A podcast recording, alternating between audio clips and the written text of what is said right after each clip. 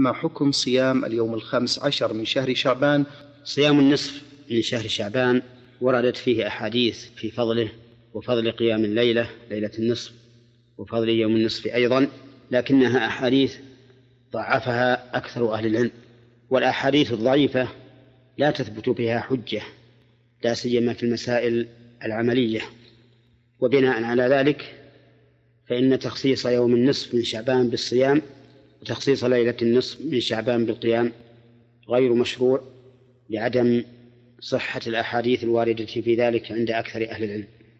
ولم يثبت شيء عن النبي صلى الله عليه وسلم ولا عن أصحابه في فضلها. أما إذا صام الإنسان ثلاثة الأيام البيض من شهر شعبان وهي اليوم الثالث عشر واليوم الرابع عشر واليوم الخامس عشر فإن هذا لا بأس به. لأنه يسن للإنسان أن يصوم من كل شهر ثلاثة أيام والأفضل أن يجعلها في هذه الأيام الثلاثة الثالث عشر والرابع عشر والخامس عشر. وقد صح عن النبي صلى الله عليه وسلم أنه قال صوم ثلاثة أيام من كل شهر صوم الدهر كله.